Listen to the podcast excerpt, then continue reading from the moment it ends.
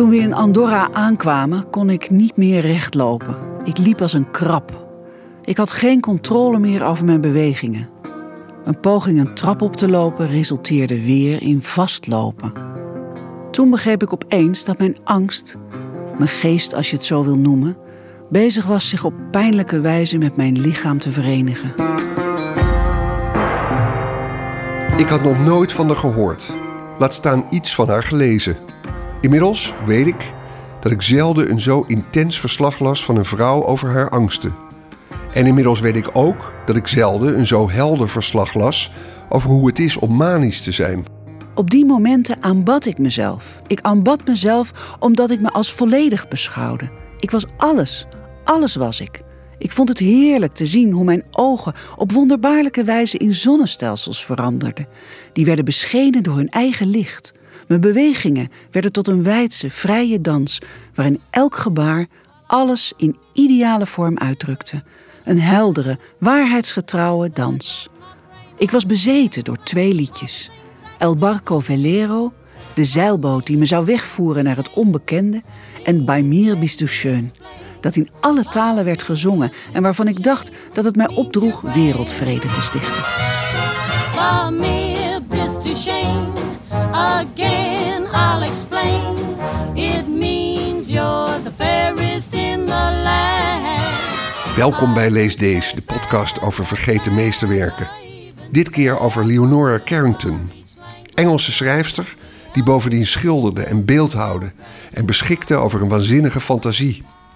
Ze werd geboren in 1917 en toen ze opgroeide viel dat samen met het hoogtepunt van het surrealisme.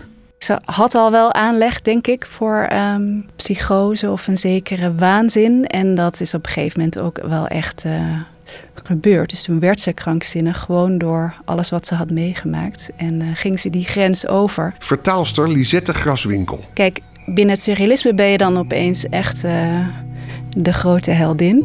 Maar voor jezelf is het misschien niet zo heel erg gezond.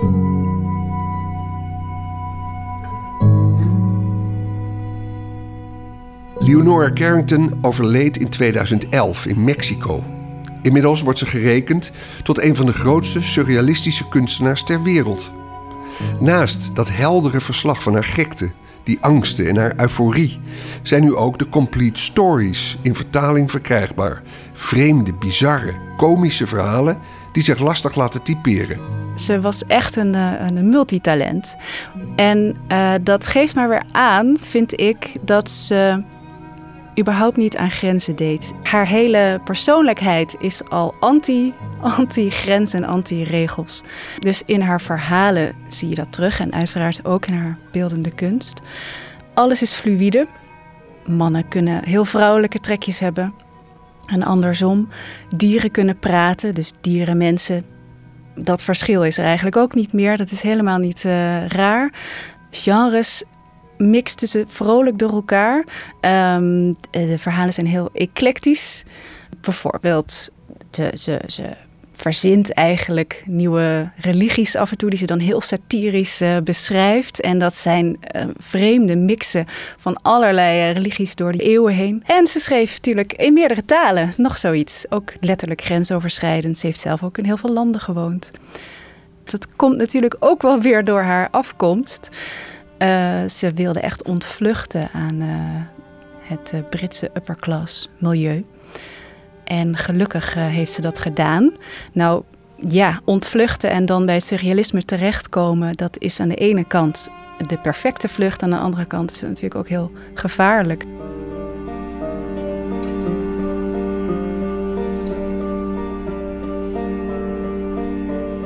Ja, we zitten hier bij het Letterenfonds met Ingrid Meurs, de uitgeefster van Leonora Carrington. Maar je hebt meer met haar dan dat je alleen maar de uitgever bent. Ja, ik ben inderdaad 25 jaar, bijna 25 jaar geleden op haar afgestudeerd. Toen heb ik mijn scriptie geschreven over Leonora Carrington. Dus ik heb haar in de loop der jaren altijd gevolgd. Uh, naar exposities geweest als die ergens waren. In Mexico haar schilderij opgezocht, een muurschildering opgezocht. Dus uh, ik ben al jaren fan. Die scriptie die schreef je als student waarin? Uh, um, algemene letteren met een specialisatie moderne westerse letterkunde. En waarom vond je haar zo geweldig? In je studie leer je heel veel stromingen en kunststromingen, et cetera, kennen. En ik ging nou altijd op zoek naar de vrouwen in zo'n stroming. Dus zo was ik op een gegeven moment op Leonora Carrington gestuurd. En daar ging ik meer, meer over lezen. Je begon bij het surrealisme en dacht, zijn er ook vrouwelijke surrealisten? Ja, precies. Je hoort over een stroming en je denkt, nou, het kan natuurlijk niet zo zijn dat er alleen maar mannelijke surrealisten zijn. Dus er moeten ook vrouwen geweest zijn. En wie waren dat dan? Marjan van der Pluim, die zit hier ook bij het Letterfonds. Jij zei van, die Carrington, die vind ik geweldig. Why? Uh, eigenlijk omdat ze behoorlijk bizar is. Ze is maar ze is niet bizar op een, op een, een timide manier, maar ze is bizar op een heel stekende manier. Ze, de, het gaat veel over hele akelige wezens die er in haar verhalen voorkomen. En zeg maar de, de manier waarop zij je in een verhaal betrekt, dat is ook heel bijzonder. Eh. Vinden jullie haar eigenlijk in de eerste plaats schrijfster of in de eerste plaats beeldend kunstenaar? Ik vind haar in de eerste plaats schilder. Want dat is ook de manier waarop ze eigenlijk die korte verhalen um, voornamelijk schrijft, vind ik. Ze roept allerlei beelden op. En um, waar het medium van verhalen het zich wel er beter verleent, is dat ze je steeds verder doorheen kan trekken. Dat gebeurt minder in de schilderij, heb ik het idee. Omdat ze zeg maar, dan introduceert ze een personage en denk je, oh wow, fascinerend, deze de hertcombinatie.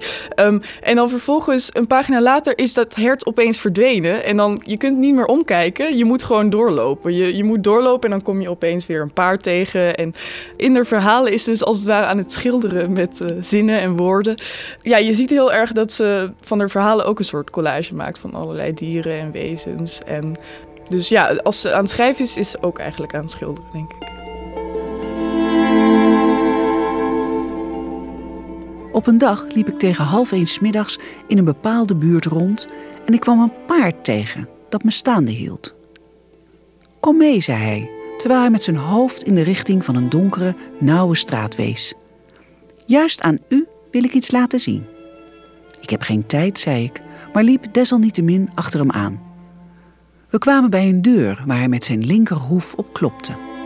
De deur ging open. We stapten naar binnen. Ik bedacht dat ik te laat voor het middageten zou zijn. Er stonden een soort wezens in kerkelijke gewaden. Ga de trap maar op, zeiden ze tegen mij. Dan kunt u onze mooie ingelegde vloer zien. Hij is helemaal zeegroen en de tegels zijn met goud gevoegd. Ze schrijft heel erg beeldend. En wat mij opviel was dat de psychologie eigenlijk ontbrak. Ze zegt wel af en toe dat iemand heel erg somber is. Of dat uh, het allemaal heel erg uh, bizar is of erg en met dood en allemaal rare beelden. Maar ze zal niet de psychologie van een personage uh, uitputtend beschrijven, Ingrid. Nee, inderdaad. Ik denk, inderdaad, ja, zoals ik vind haar ook in de eerste plaats een beeldend kunstenaar. En ik denk dat ze met woorden schildert ze eigenlijk wat ze ook met verf schildert. Het zijn meer visioenen die je leest. Of het is een soort, voor mij, ik vond het echt een inkijkje in, een, nou, in het hoofd van een kunstenaar. In de beelden die ze dan op zoveel verschillende manieren kan laten zien. En het gaat inderdaad niet om die psyche. Het gaat meer om de beelden die ze schetst. En zelf zegt ze eigenlijk, ik heb een boek over haar gelezen waarin ze zegt van er is helemaal niks verzonnen in mijn verhalen. Dit is gewoon mijn realiteit. Jij hebt ook uitgegeven het boekje Beneden, Down Below. En daarin psychologiseert zij wel, want daarin gaat het eigenlijk met terugwerkende kracht over een depressie en een periode van waanzin die ze achter de rug heeft. Ja, Leonora Carrington woonde samen met Max Ernst in Frankrijk. Hij werd als ongewenste vreemdeling ehm, gevangen gezet en zij moest vluchten uit Frankrijk. En ze met de hulp van iemand die ze via haar familie, ze komt uit een vrij goede familie, kende, is ze toen naar Spanje gegaan. Daar is ze in een soort psychose terechtgekomen. En opgesloten in een kliniek en platgespoten, et cetera. En ze heeft daar een aantal jaar na dat alles gebeurd is, heeft ze daarover geschreven en dat proberen vast te leggen. Ze vindt zelf ook een van de allerdonkerste perioden in haar leven. En dat was het natuurlijk ook. En het is, wat ik er ook zo interessant aan vind, is dat in het surrealisme werd er heel erg geflirt met de waanzin. en vrouwelijke hysterica. En zo, Breton die schreef bijvoorbeeld over Natja, een vrouw in een gesticht. En zij zat heel erg in die kringen. En zij is natuurlijk de enige die het echt zo intensief doorleefd heeft. En het ook zo intens heeft kunnen beschrijven. Wat wilde Leonora Carrington zeggen met haar wonderlijke verhalen, vol bizarre gegevens? De kunstenares zelf hield niet van vraaggesprekken. Van de schaarse opnamen die bewaard bleven, laten we nu iets horen. Een fragment van een interview door Joanna Moorhead, gemaakt toen Carrington ongeveer 90 jaar was. Nog even de achtergrond schetsen. Haar vader was fabrikant, haar moeder van Ierse afkomst. Bekend is dat ze opgroeide met de magische sprookjes die haar Ierse kindermeisje, haar nanny, haar op het familielandgoed verteld had. Een invloed die mogelijk van groot belang is geweest op haar werk. Your nanny was obviously, I imagine, quite an influence, wasn't she? What? Your nanny and all her stories of Ireland were quite an influence. Oh, yeah. Yeah, You're trying to intellectualize something well, desperately, and you're wasting your time. okay. I should know by now, shouldn't That's not a way of No. understanding. I? No. To make a kind of into little sort of mini logic. You never understand by that road. What do you think you do understand by then? What can we understand? By your by? own feelings about things. Yeah, by your feeling about if you see a painting, for instance, that you like. Canvas is an empty space. Hmm.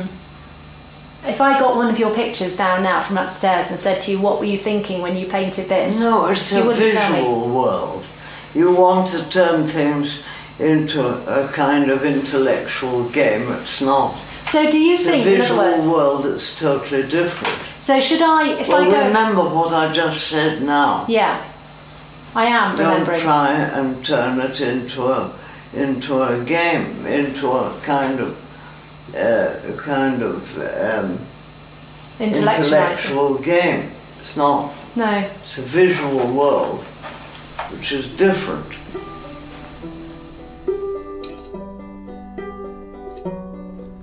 Marjan van der Pluim, jij bent niet een student letterkunde, maar geschiedenis.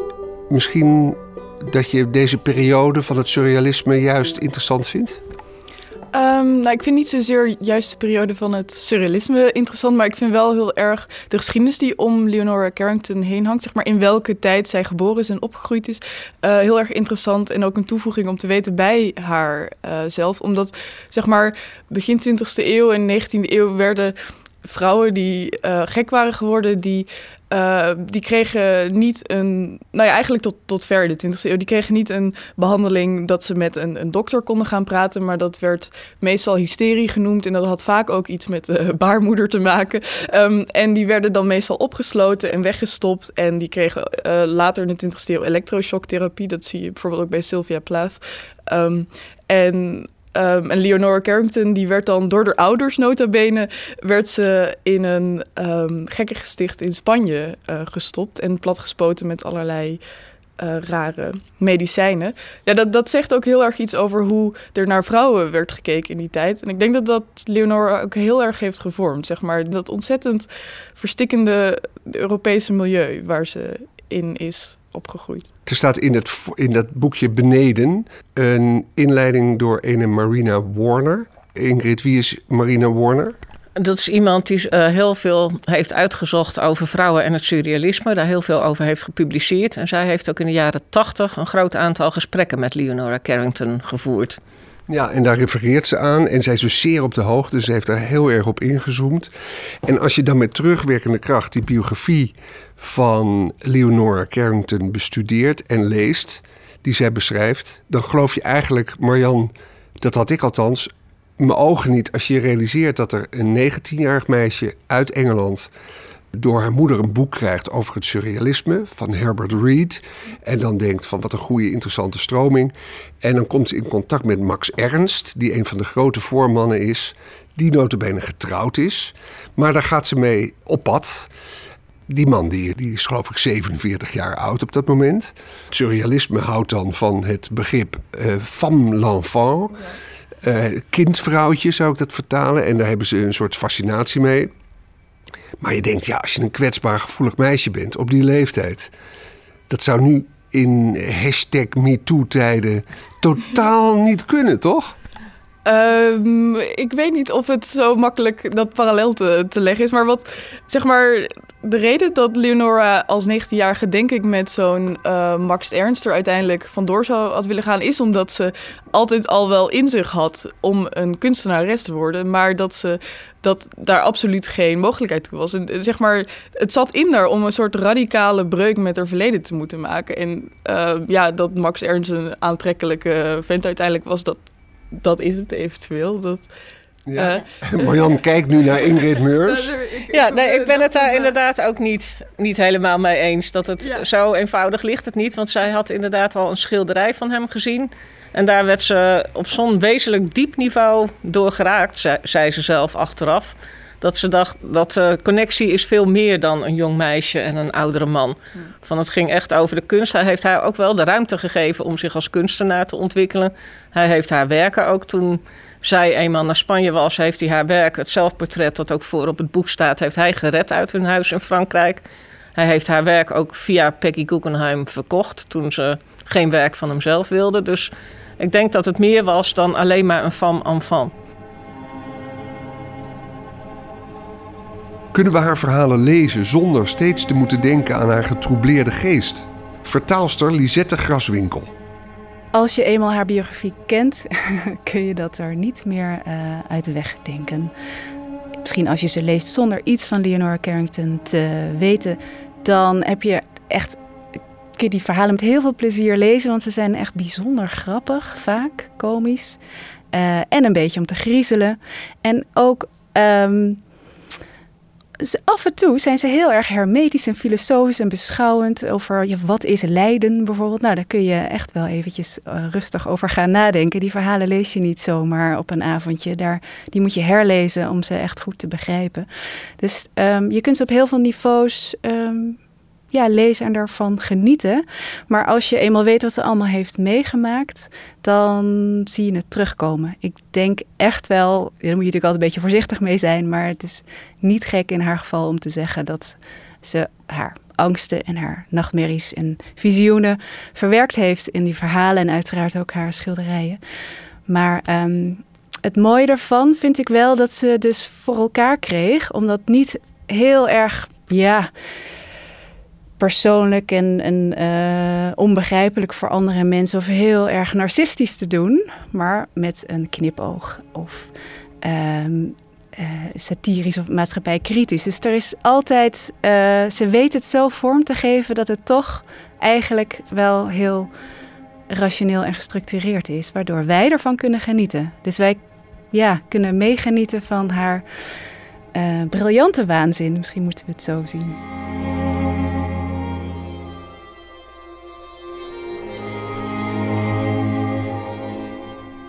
Zij heeft zelf, uh, Ingrid, weinig interviews gegeven, want ze was teruggetrokken. Misschien heel in het kort, zij is dus geboren in Engeland. Ze is via Max Ernst in uh, Frankrijk terechtgekomen en in Spanje uiteindelijk. Max Ernst die werd in de Tweede Wereldoorlog op een gegeven moment gevangen genomen. Omdat iedereen met een Duitse achtergrond uh, de vijand was. En daarop volgde die periode van waanzin. En uiteindelijk is ze in Mexico beland. Hoe? Um, vanuit uh, de, die inrichting in uh, Spanje is ze naar Portugal, naar Lissabon vertrokken. Samen met haar voormalige kindermeisje. Dat was door haar familie in Engeland toch naar het vasteland van Europa gestuurd. Ergens zegt Leonora zelf dat dat per duikboot was. Dat leek me niet heel waarschijnlijk, maar dat weet ik niet zeker. Ze zijn samen naar Portugal gegaan. En toen had haar familie besloten dat zij dan vanuit Lissabon naar Zuid-Afrika zou gaan per boot om daar in een inrichting te zitten. Zelf wilde ze dat niet. Ze kwam in Lissabon op straat een uh, Renato Leduc weer tegen, die ze ooit in Parijs uh, had ontmoet. En hij was een um, man van de Mexicaanse ambassade. Dus hij heeft haar geholpen. Hij zei: Als je de kans krijgt, moet je zorgen dat je in de Mexicaanse ambassade terechtkomt. En dan help ik je naar New York te gaan. Dus zo gezegd, zo gedaan. Ze is uh, op een.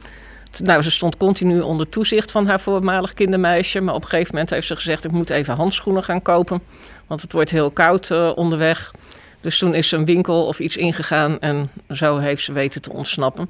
Met deze Renato is ze getrouwd om weg te kunnen komen. Ze zijn samen eerst naar New York gegaan en toen na een aantal maanden naar Mexico. in New York of in Lissabon kwam ze ook Max Ernst weer tegen, die ondertussen met Peggy Guggenheim uh, samen was. Ook om weg te komen uit, uit Lissabon. En in New York heeft die hele groep van surrealisten zich ook weer verzameld. En je ziet ook foto's, vond ik zelf heel grappig, waar zij met Piet Mondriaan ook in New York zit. Want dat was weer een hele kunstenaarsgroep die daar. Maar goed, Leonora moest daar gewoon ook weg. Die moest niet zo dicht bij Max Ernst en Peggy Guggenheim zijn. Dus zij is naar Mexico gegaan. En Mexico had een heel erg tolerant beleid voor mensen die uh, oorlogsslachtoffer en slachtoffer van de vervolging in de Tweede Wereldoorlog waren. En uiteindelijk, Marian, als je nu dat werk ziet van Leonora Carrington, past dat eigenlijk wel een beetje bij de Mexicaanse. Ik, ik hoorde in een documentaire dat er ook door heel veel mensen nu gedacht wordt: ja, dat is een Mexicaanse kunstenares, die Carrington. Hmm. Nou, ik, ik, moet vooral nu even aan de reactie van Frida Kahlo denken op, zeg maar, want Leonora Carrington had een hele groep uh, vriendinnen daar ook, die ook surrealistische kunst maakten, fotografen.